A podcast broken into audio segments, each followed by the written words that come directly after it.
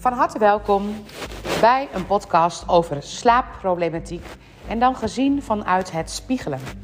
Hoe spiegelt een kind jou wanneer je kind moeite heeft om in te slapen of überhaupt te gaan slapen? Nou, deze hulpvraag heb ik natuurlijk heel veel in de praktijk. Slaapproblematiek, dat nekt je enorm. Daar ga je van achteruit lopen. Daar word je moe van. Daar krijg je negatieve cirkels van. Alles draait daarom. En het hele gezin kan daar echt helemaal vanuit zijn voegen raken. Puur omdat slaaptekort niet te doen is.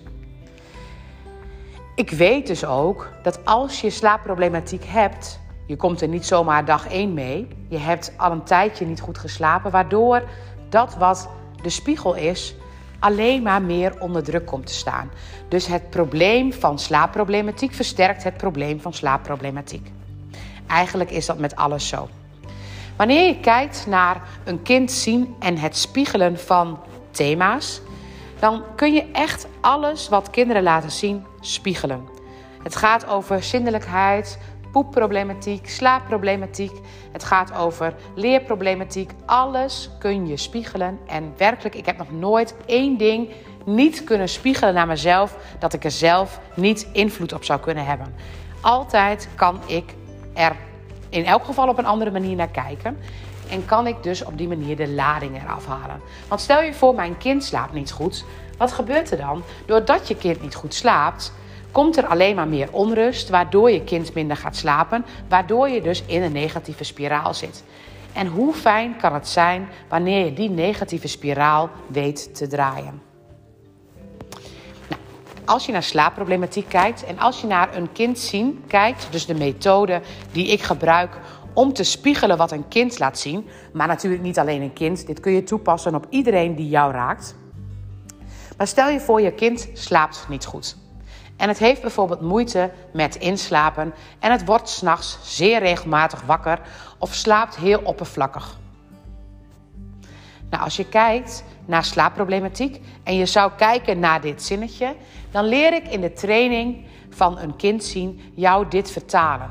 Ik slaap niet goed. Ik slaap heel oppervlakkig en ik kan moeilijk inslapen. Dat zijn dan de drie zinnen die je zou kunnen pakken. Nou, als je deze drie zinnen pakt, dan denk je, nou, ik zou maar al te graag willen slapen. Dus dat klopt niet voor mij.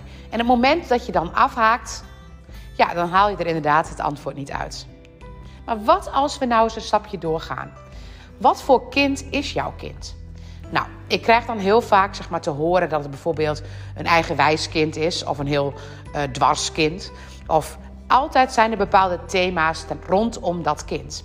En stel je voor, in dit geval zou het een dwarskind zijn, die ook heel makkelijk boos is en heel snel geïrriteerd. En die vooral zijn eigen um, willetje doordrukt. Als dat het kind is, dan betekent het dus dat dat kind in jou niet wil inslapen, niet wil slapen en niet wil doorslapen. Ofwel, jij hebt een kindsdeel in jou, want alles van de wereld kun je spiegelen naar jezelf. Dus jij hebt een kindsdeel in jou.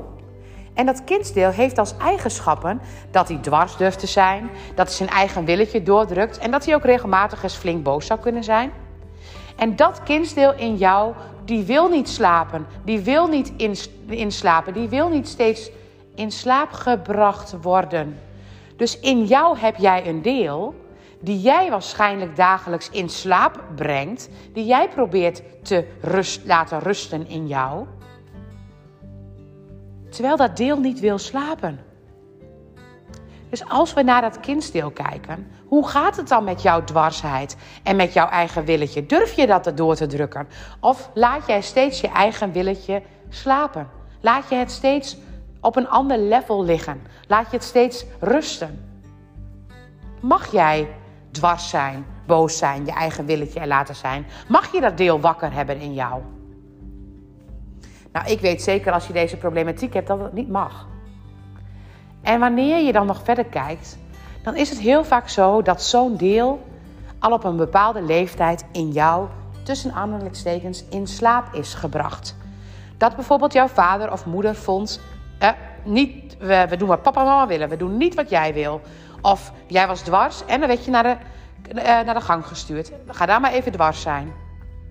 Dus als dat deel in jou ooit is afgewezen door een volwassene en kijk dan even naar de verhouding, zo'n klein mini-smurfje, zo'n grote volwassene, dan besluit je op den duur, ook al lijkt zo'n kind op dat moment nog best lang die dwarsheid vast te houden, maar je besluit op den duur die dwarsheid er niet meer te laten zien, te zijn. Jij gaat die dwarsheid, jij gaat dat eigen willetje in jezelf laten slapen. En wanneer je dat in jezelf laat slapen, dan moet een kind het later gaan spiegelen dat je dat deel niet hoeft te laten slapen.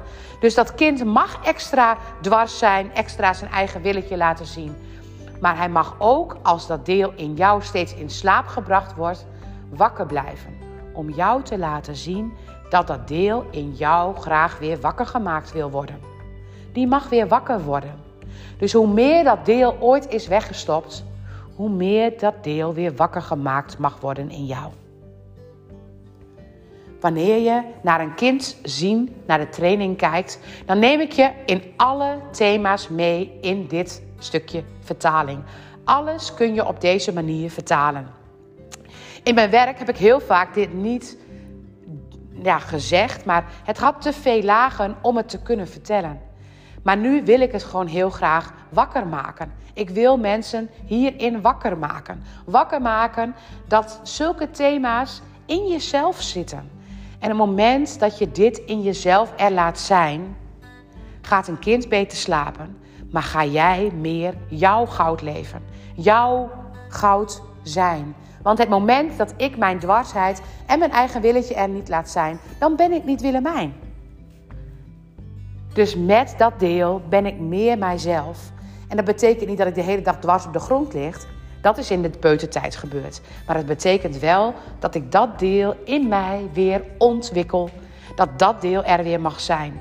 Met alle positieve gevolgen van dien. Want als ik mijn eigen wil er laat zijn en als ik er eens een keer tegen iets in durf te gaan, dan blijf ik in mijn energie. Dan blijf ik in mijn kracht, in mijn superpower. En dan sta ik mijn mannetje. En dan heb ik dat deel weer wakker in mij. Dan mag dat deel er weer zijn. Is het weer een onderdeel van mij? En kan mijn kind dat deel laten rusten? Mocht je interesse hebben in de training, je kunt hem online vinden bij de trainingen. Het is de training Een Kind Zien.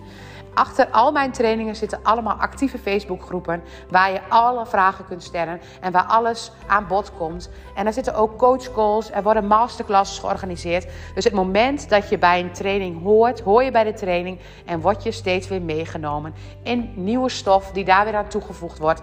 Alle trainingen worden steeds gestapeld in hun waarde. En als jij graag wil kijken met deze ogen naar jouw kinderen, en dus eigenlijk als jij jezelf wil ontwikkelen, Schrijf je dan in voor de training.